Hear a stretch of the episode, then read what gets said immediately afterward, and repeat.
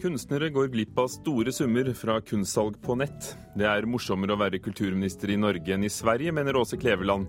Om en time får Sverige ny regjering, som vi akkurat hørte i Dagsnytt. Vi anmelder splitter ny klaverkonsert av Helge Iberg, urfremført i Olavshallen i Trondheim i går kveld. Og Fredagspanelet samles i Kulturnytt. Her i Nyhetsmorgen i NRK. Kunstnere går trolig glipp av store summer fra kunst som selges gjennom rubrikkannonser, som f.eks. nettstedet Finn. Alle som offentlig selger kunst til over 2000 kroner i Norge, skal betale 5% av summen i kunstavgift til Hjelpefondet for bildende kunstnere. Det gjelder også kunstverk eh, som blir solgt mellom privatpersoner, men flere NRK har snakket med, mener dette skjer i veldig liten grad. At det var en avgift eh, når man skal selge kunst på nett, det var nytt for meg. Kjellbjørn fra Sykkylven er en av flere tusen som hvert år prøver å selge kunst på nettstedet Finn. Den lovpålagte avgiften på 5% av salgssummen var ukjent for han, og han er trolig langt fra alene. Hege Imerslund i Bildene kunstneres hjelpefond, som krever inn avgiften, sier dette. Vi må legge til grunn at det innenfor alle typer omsetning forekommer underrapportering og eh, muligens også eh, unndragelse av avgift. Eh, Det tar vi jo høyde for at det, gjør, at, eh, at det skjer på finn.no, omsetning via finn.no også.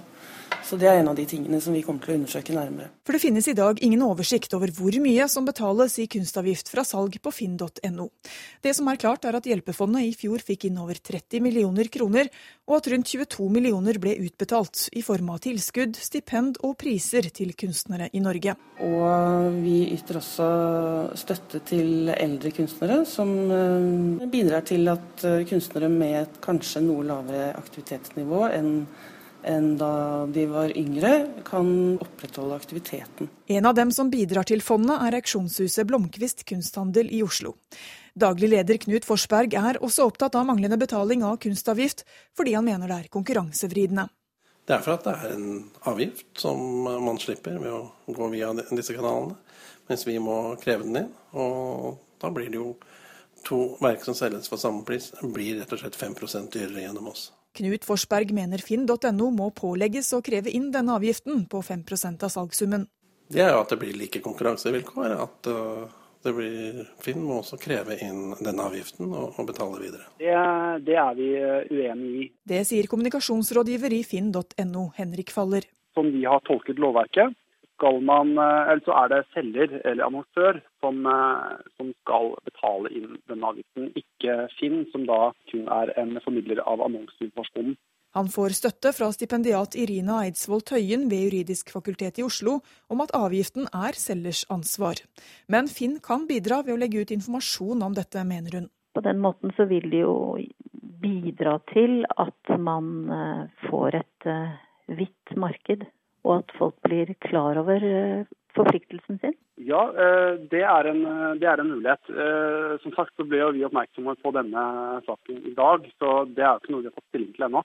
Men jeg kan ikke se bort fra at vi i fremtiden veileder og gir informasjon på en eller annen måte til de som skal selge kunst til en verdi av over 2000 kroner gjennomsnitt.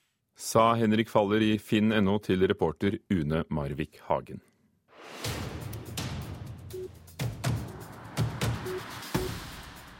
Norske kjendiser driver ulovlig markedsføring på Instagram, det mener Lotteritilsynet. Blant andre Jon Arne Riise, Linje Meister og André Villa reklamerer for spillselskap på bildedelingstjenesten, skriver VG. Tidligere i år har Lotteritilsynet fått nettstedene Facebook og YouTube til å fjerne spillreklame rettet mot det norske markedet, og vil nå finne ut hvordan de skal håndtere kjendisenes reklame på Instagram. Sørlandet får en ny stor musikkfestival etter at i går ble klart at HV-festivalen blir nedlagt. Toffen Gunnufsen, som i sin tid sto bak både Kvartfestivalen og HV-festivalen, skal booke artister til den nye festivalen som skal arrangeres i juli neste år. Den nye musikkfestivalen vil satse på et noe eldre publikum enn HV har gjort.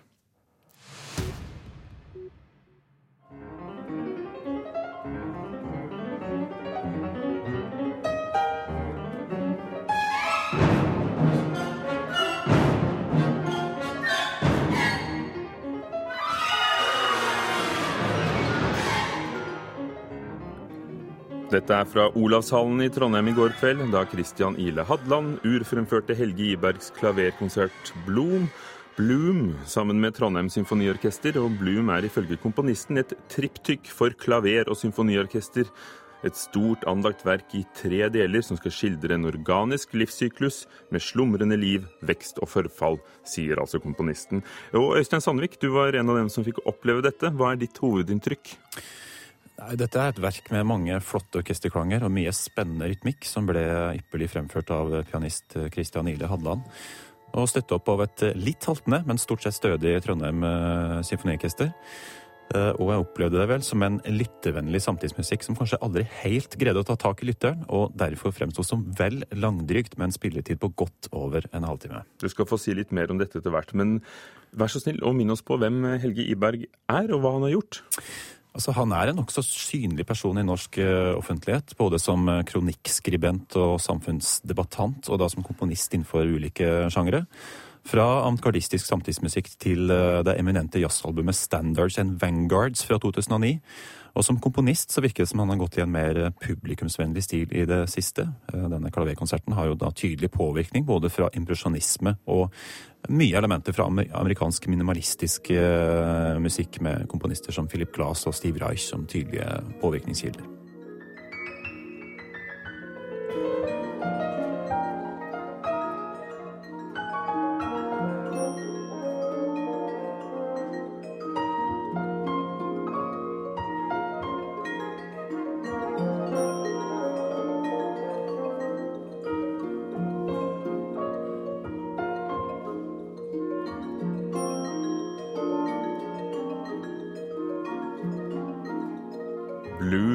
Blomstring, altså. Hva synes du om musikken? Altså, dette er musikk som det er lett å like, men som til syvende og sist kanskje ikke gjør så voldsomt stort inntrykk. Eh, og det har med å gjøre at det er litt for lite klare utsagn eller tydelige ideer i verket som står frem. Den blir mye litt sånn generelt tonemateriale med girlandere opp og ned klaviaturet og urverkaktige rytmer i orkesteret. Så musikken flyter litt forbi, og man får aldri følelsen av at, noe, at komponisten har noe sånn veldig viktig å meddele. da. Eh, men, men, får du fulgt disse tre delene som eh, komponisten snakker om? Altså slumrende liv, vekst og forfall, et, et triptykk, som man kaller det? Ja da, det er eh, for så vidt en ganske tydelig formidé, men, men veldig sånn tilbakeholdt, rolig førstesats. Og så er det den mer, litt mer aktive midtdelen som vi hører her, og før det da eh, ender opp eh, med en slags sånn forfallsprosess på slutten. da. Eh, og Det er mye fargerik orkesterklang her. og Det er en aktiv slagverksseksjon, eh, og det er en solist som bidrar med utsøkt klangbehandling. Eh, Christian Ile Hadeland. Men likevel så blir det noe litt langtekkelig og uttrykksfattig over dette verket. Det var Helge Ibergs nye verk 'Bloom', altså. Men konserten i går kveld med Trondheim Symfoniorkester den hadde også med Schubert og Brahms. Kan du si litt om det? Ja, Det starta temmelig begredelig med et uh, Trondheim symfoniorkester som låt litt som et middels spellemannslag i uh, noen tyske danser av Schubert da, i uh, orkesterarrangement ved Anton Webern.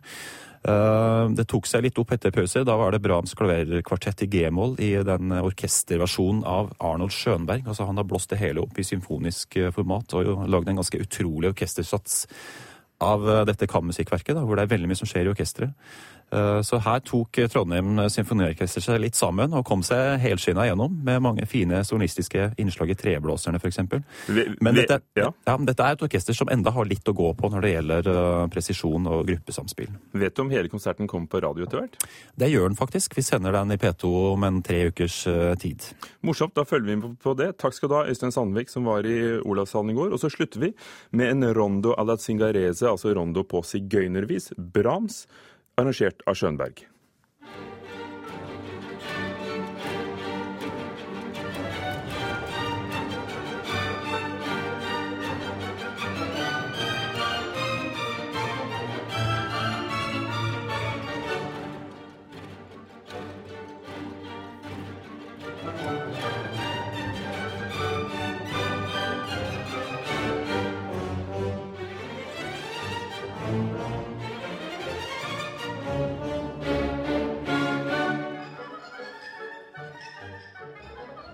Trondheim Symfoniorkester er eh, dirigert av Francesco Angelico i Olavshallen i går kveld. Om eh, under en time presenterer Sveriges nye statsminister Stefan Löfven sin regjering. Spekulasjonene har vært mange rundt eh, nettopp kulturministerposten, og en av dem som følger spent med i dag, er tidligere kulturminister Åse Kleveland. Ser du langt? Utrolig bra. Akkurat nå sitter jeg og jobber, for jeg skal jo ha en del konserter i høst. Utsikten er upåklagelig fra toppen av det gamle kontrolltårnet på Fornebu, hvor Åse Kleveland har sitt kontor og musikkverksted. Den tidligere kulturministeren og artisten ser nok ikke helt til Sverige, men holder likevel et øye med nabolandet, hvor hun i flere år jobba som direktør for det svenske Filminstituttet. Og om en times tid skrur Kleveland på radio. Klokken kvart over ni, for da tror jeg det nærmer seg. og vet at alle mine gamle kollegaer sitter med øret mot radioen og blikket mot TV-en på andre siden av grensen. Fordi filmpolitikken også nå er liksom i støpeskjeen, så er det spesielt spennende, syns jeg, å følge. Den nye kulturministeren bør være en god strateg, mener Kleveland, som i sin periode som direktør i Sverige ble overraska over hvor lite direkte makt den svenske kulturstatsråden hadde i forhold til den norske. Etter å ha vært en stor beundrer av svensk kulturpolitikk hele livet, så var jeg litt sånn skuffet, fordi at i Sverige så er man mer opptatt av å sånn sett uh, desentralisere innflytelsen. Her i Norge har vi ikke tradisjonelt vært så redde for sånne litt større nasjonale tak. Men det er jo også spørsmål som diskuteres akkurat nå i Norge. Hvordan det skal være fremover. Men det er jo mye morsommere å være kulturminister, da. Når kulturministeren har større innflytelse. Det vil jeg si.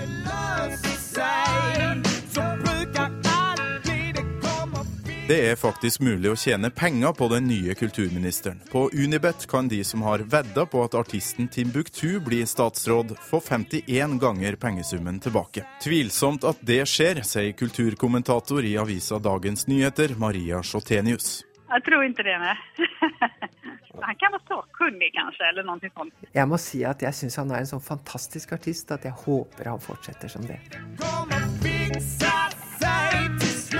Et navn som gir dårligere odds, men som et mer sannsynlig valg av kulturminister, er den nylig avgåtte SVT-direktøren Eva Hamilton. Hun er oerhört skikkelig og, og dyktig, har gjort et fantastisk jobb der, som jeg tror alle skulle vilja kunne se på nesten hvilket jobb som helst. Og det må jeg ærlig talt si at det tror jeg ikke heller skulle være feil om hun ble kulturminister.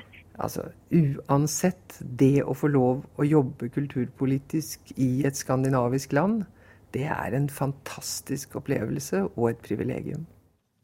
Sa Åse Kleveland til vår reporter Torkil Thorsvik. Og så gjenstår det å se ved nitiden om statsminister Stefan Löfven velger Timbuktu Eva Hamilton eller en helt annen som ny kulturminister i Sverige. Minutter over åtte, Nyhetsmorgen i NRK.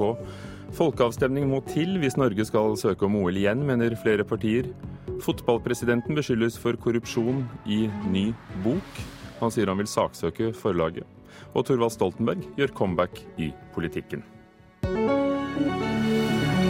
Det er hovedsaken i dag, men dette er Kulturnytt, og her er Fredagspanelet samlet. Velkommen, Anna B. Jensen, redaktør av Morgenbladet. Hei, hei, hei. Hege Duckert, kulturredaktør i NRK. God morgen.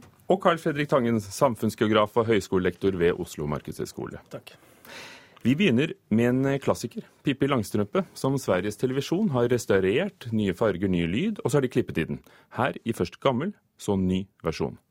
Og min pappa, han er negerkong og heter Efraim Langstrømp. Og min pappa, han er kong og heter Efraim Langstrømp. Her kommer Pippi Langstrømp, tjolahopp, hopp, tjolahopp. Her kommer Pippi Langstrømp Og spørsmålet er tar barn skade av den opprinnelige utgaven. Carl Fredrik. Er det da likevel riktig å klippe det? Ja, Det er jo vanskelig når du stiller spørsmål og sånn, for tar barn skade av det? Det er en vanskelig måte å, å svare på det på. Men jeg tenker at uh, det å modernisere bøker og modernisere språk og måten vi snakker til hverandre på, det gjør vi jo hele tiden. Og jeg tror at det som er det viktige her, er jo at intensjonen til Astrid Lindgren blir videreført. Og uh, man kan si mye rart om Pippi, men hun er jo en utrolig fordomsfri person. Som jeg tror ville, i den grad hun ville ha en, en mening om det selv, ville synes det var vanskelig om hun skulle støte noen med ordbruken sin. Tror nærmest at begge versjonene bør finnes. Altså, når barn leser Pippi nå, så er det jo ikke noe sånn rapport fra fortida eller noe sånt. Det er en sånn samtidstekst. og da jeg synes ikke, Og Pippi er samtidig litt sånn noe som kommer fra de voksne. Og jeg syns ikke at, de, at liksom storsamfunnet bør uh, akseptere det er, sånn, det er, en sånn form for aksept av å mobbe noen og støte noen ut og sånn. Så jeg, jeg syns at når det, når det kommer sånn som barn ofte møter Pippi første gangen. Barne-TV viser det, besteforeldrene eller foreldrene dine leser det for deg. Så syns jeg det er helt greit at de tar bort det hvor, så, så du veit liksom, mobber og, og lager liksom grunnlag for mobbing av, mennesker som vi, også, av andre mennesker vi går sammen med.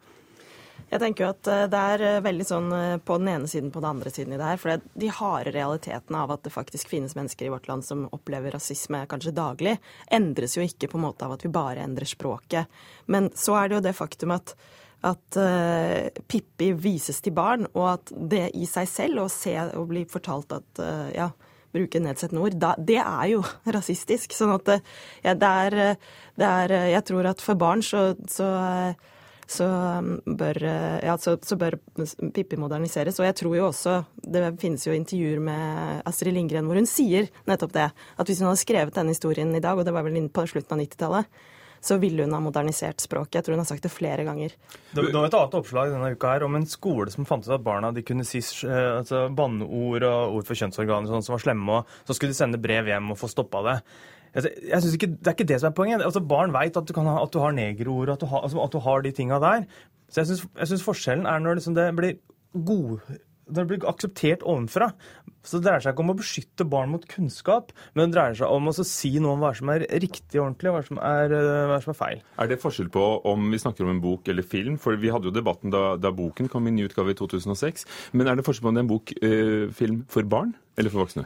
Nei, det, det syns jeg egentlig ikke. Men jeg, jeg, tenker at det handler jo også om å unne moderne barn i dag den fantastiske skatten som Pippi er, og ikke lage et filter eller lage en vanskelighet i det som gjør at man unngår det. Altså, Jeg har jo selv prøvd å lese gamle barnebøker. Hva, klipper sånn du den da? På Nei, ja, altså, ja, jeg tror veldig mange foreldre gjør det. Jeg husker jeg leste en bok som het 'Kong Salomos miner' for uh, sønnen min, som var utrolig rasistisk. Og du ender jo opp med et slags sånn sammenbrudd halvveis om å hoppe over setninger. og altså, det, er, det er en komplisert ting fordi du ønsker ikke å å gi den type fortelling videre til barna dine. Eh, sånn at jeg tenker jo at det er også noe med å sørge for at Pippi har den relevansen som den har hatt. Eh, I hvert fall i mitt liv har det vært en kjempeviktig bok. Og jeg ville ønske at neste generasjon også fikk det, og særlig fordi at, at forfatterens intensjon er så klar. Men skulle vi klippet Hamsun for voksne, f.eks.? Eller redigert i den? Der hvor det forekommer nettopp N-ord og andre ting. Jeg synes, det dreier seg ikke om å fjerne, fjerne historien. Jeg, jeg synes at det at det, er for, altså, det at det er for barn, jeg synes at det spiller en, spiller en rolle her. Fordi at det, da blir det nyans, altså, Den nyansen knytta til for, forholdet, forholdet med at det er skrevet for lenge siden, og at det opererer i dag, den kan voksne ta, den kan ikke barn ta på den måten. Anna, du skulle si noe? Ja, det var, Svenskene har jo på en måte skilt da, mellom boka og filmen. Vi har jo redigert eh, i, film, i den norske boka og byttet ut nedgangen med sydhavskonge', men i Sverige så har de beholdt det i boka, men lagt til et forord. Og så har de redigert i filmen. Så det, de, eh, men det som jeg tenker eh, Pippi, nei, Astrid Lindgrens barn er jo veldig for, eller syns det er helt greit med den endringen av filmen. Og jeg skjønner jo det, for det er bare på den måten det kan bli en fortsette å være en samtidsfortelling. Da. Hvis ikke så blir det på en måte noe man må se på som et tidsbilde. Hva med en advarsel foran, sånn som Amazon nå har introdusert foran Ben og Jerry, som kan være ganske rasistiske? Ja, det er jo det de på en måte har eh, gjort i boka i Sverige, da. De har, så de har valgt to varianter. Men eh, ja. Og så er det nærmest en oversettelse til vår tid, for det var jo ikke sånn ment. Da, som det brukes i dag da det ble skrevet. Vi går videre. Språkrådet tvinger politiet til å tvitre og skrive nynorsk når de ytrer seg offentlig. Frp hevder at dette er flisespikkeri og feil ressursbruk. Bør politiet slippe å følge målloven, for heller å konsentrere seg om alle de andre lovene? Hege? Nei. Anna? Nei. Søren. Nei. Veldig stor enighet her i dag. Eh, så det å bruke penger og tid på at konstabler skal på kurs for å lære den målformen de egentlig ikke behersker, det er fornuftig? Uh, kanskje det har gjort at de tvitra mindre. Altså det, det, er, det, et eller annet pussig med at de skal så voldsomt inn i alle mulige sånne nye, nye medier. Men uh, at politiet er sånn offisielle Norge og skal både, ene er jo at de skal følge loven, som er, som, som er ganske, ganske, interessant. Men uh, også at det hensikt, jeg er jo tilhenger av hensikten bak at offentlige skal bruke nynorsk og sam, svare på samme målføre. Jeg tenker jo det er litt sånn eh, det, det, For det første så ligger jo problemet feil sted. De fleste skal jo Altså alle har jo sidemål på eh, skolen, så skolene bør jo på en måte altså Man bør jo faktisk kunne en del nynorsk når man går ut fra norsk skole. Og så er det litt sånn nedlatende mot politifolk òg. Hvorfor skulle ikke de greie å føre to, bruke to språkformer da, når eh, andre byråkrater kan det? Altså de, det er jo Ja. Mm. Tenker også det er noe med tilliten til politiet å gjøre. Man vet jo det fra, fra altså Ta sånn som de har jobbet i New York, f.eks., hvor de har slått ned på veldig veldig små eh, forseelser. For, nettopp for å sørge for at, at, at, samfunnet følger loven. Så hvis man plutselig kan si til politiet nei, dere må gjøre viktigere ting enn å følge de lovene dere syns er små, så er vi jo langt ute å kjøre. Og jeg, også, jeg stusser også litt over det at det skal ikke være så farlig, liksom, man, eh, fordi man er på Twitter. Og jeg tenker at nettopp sosiale medier, det er jo der ting blir liggende. Det er jo der vi kommer til å finne setningene våre og formuleringene våre og meldingene fra politiet gjennom mange år. Det er søkbart og enkelt å finne. Og at ikke det skulle være nøye, det syns jeg er en holdning som er litt rar. Nulltoleranse, er det linjen å følge? Nei, men eh, og, og jeg skjønner jo at det er vanskelig å skulle skrive på, på nynorsk. Jeg har store problemer med det sjøl. Men eh, jeg syns det er helt uproblematisk at vi har en språkpolitikk, og at det er det offentlige Norge som må følge den. Vil nettet forandre nettopp språkpolitikken i, i Norge på sikt? Det kan man jo ikke vite, men uh, det kan jo hende at uh, hvis det Altså, lover kan jo forandres hvis det viser seg at det er helt uh, utrolig tungvint å følge dem. Men jeg tenker at da må loven først forandres før politiet kan bryte den. Altså istedenfor at politiet skal bryte den, på en måte. Ja, det er en rekkefølge her som må følges. Men Du kunne tenkt deg at du skrev på dialekt, og hadde jo blitt trøndersk. Alt som politiet skrev på Twitter. hadde jo også Blitt, NRK får jo stadig høre at vi bruker for mye dialekter, men kanskje det gjør at politiet kommer nærmere befolkningen? Det kan jo hende at altså, politiet Politiet har jo ofte liksom litt lokalforankring, så jeg syns det hadde kanskje vært det det andre kunne gjort. At du burde skrive på dialekt. Her er uh, vårt lille utvalg av kultureliten ganske enige, så vi går videre til neste spørsmål. Verdenskjente forfattere, og jeg nevner her bare noen. Salman Rushdie, Siri Hustvedt, uh, Philip Roth. Jeg nevnte henne fordi hun er litt norsk. Og mange andre går til kamp mot nettgiganten Amazon, fordi Amazon straffer både forlag og forfattere som ikke vil selge dem e-bøkene til den prisen Amazon selv ønsker, altså lavere enn det denne Hachette-gruppen, som er svær i USA, vil, vil selge til dem. Er, står forfatterne veien, i veien for fremtiden? Det var det en analytiker som hevdet? Ja. Nei. Nei. Hvordan, Carl Fredrik? Um, fordi de altså fordi de bremser istedenfor at de kommer med alternativet. Så Problemet med Amazon er jo at det er så bra. At det er så, det er så mange ting du finner der. Det er så lett å handle, handle derfra. Um, så, så, når forfatterne det, det, virker som de bare som ikke vil, ikke vil være med, så syns jeg, jeg, det er vanskelig. Så det er i orden at de bruker sin markedsmakt, da, eller misbruker som disse hundrevis av kjente forfatterne mener? Nei, jeg, jeg, jeg syns det, altså, det, er store problemer med et sånt system hvor det er eh, liksom distributørene som tjener masse penger, og produsentene som tjener lite penger. Så jeg, jeg, har ikke noe problem med det, men jeg skal du konkurrere med Amazon, så må du lage en bedre Amazon, tror jeg. Altså det, så, sånn at jeg syns ikke det jeg tror ikke noe på aksjonsformen. jeg tror Det, kom, altså det er litt sånn som ludittene, som prøvde liksom å kjempe imot uh, vevemaskiner fordi de ville ha vev, altså håndverkere i, i, stedet. Litt sånn det, det, det, det, nytta ikke. For de klarte ikke å komme med noe ordentlig alternativ for, for hvordan du skulle eie produksjonsmidlene. Hva kalte du ludittene? Ludittene, altså Det er jo tidlig industrielle revolusjon. Det var disse som kjempa imot spinning, spinning Jenny. Og er, så Hver gang ny teknologi kommer, så forsøker jo dem som, som, har hatt fordeler i den gamle teknologien, å kjempe imot. Og, og forfatterne er de vår tids luditter? Nei, jeg mener at dette ble helt uh, feil måte å se det på. fordi det finnes jo en type rettighetskamp og en, og en, og en, uh, innenfor alt hele det kapitalistiske systemet mellom de som produserer og de som eier. Og, og dette er på en måte en, bare en Jeg ser det som en forlengelse av en type sånn fagforeningskamp, hvor, hvor man, man, prøver å eh, endre systemet så det blir bedre for de som faktisk arbeider i det. da. Og det, ja, eh, fagforeningskamp. Jeg kan forstå hva du mener. Samtidig så tenker jeg at dette her er jo en kamp om profitt. Det er jo en kamp mellom to store giganter. Altså Amazon Du sier at Carl eh, Fredrik, at problemet med Amazon er at de er så bra. Ja, jeg vil nesten si at problemet er at de er så store. Altså De har 65% av e-bokmarkedet i USA.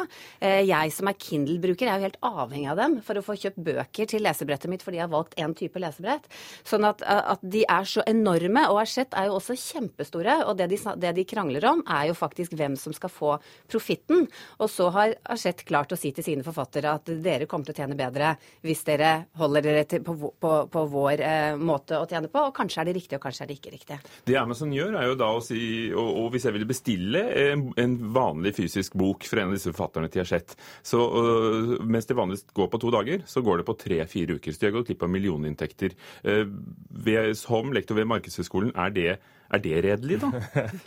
Nei, altså, det, er jo snakk om å ha en sånn eh, monopoldom mot Amazon nå.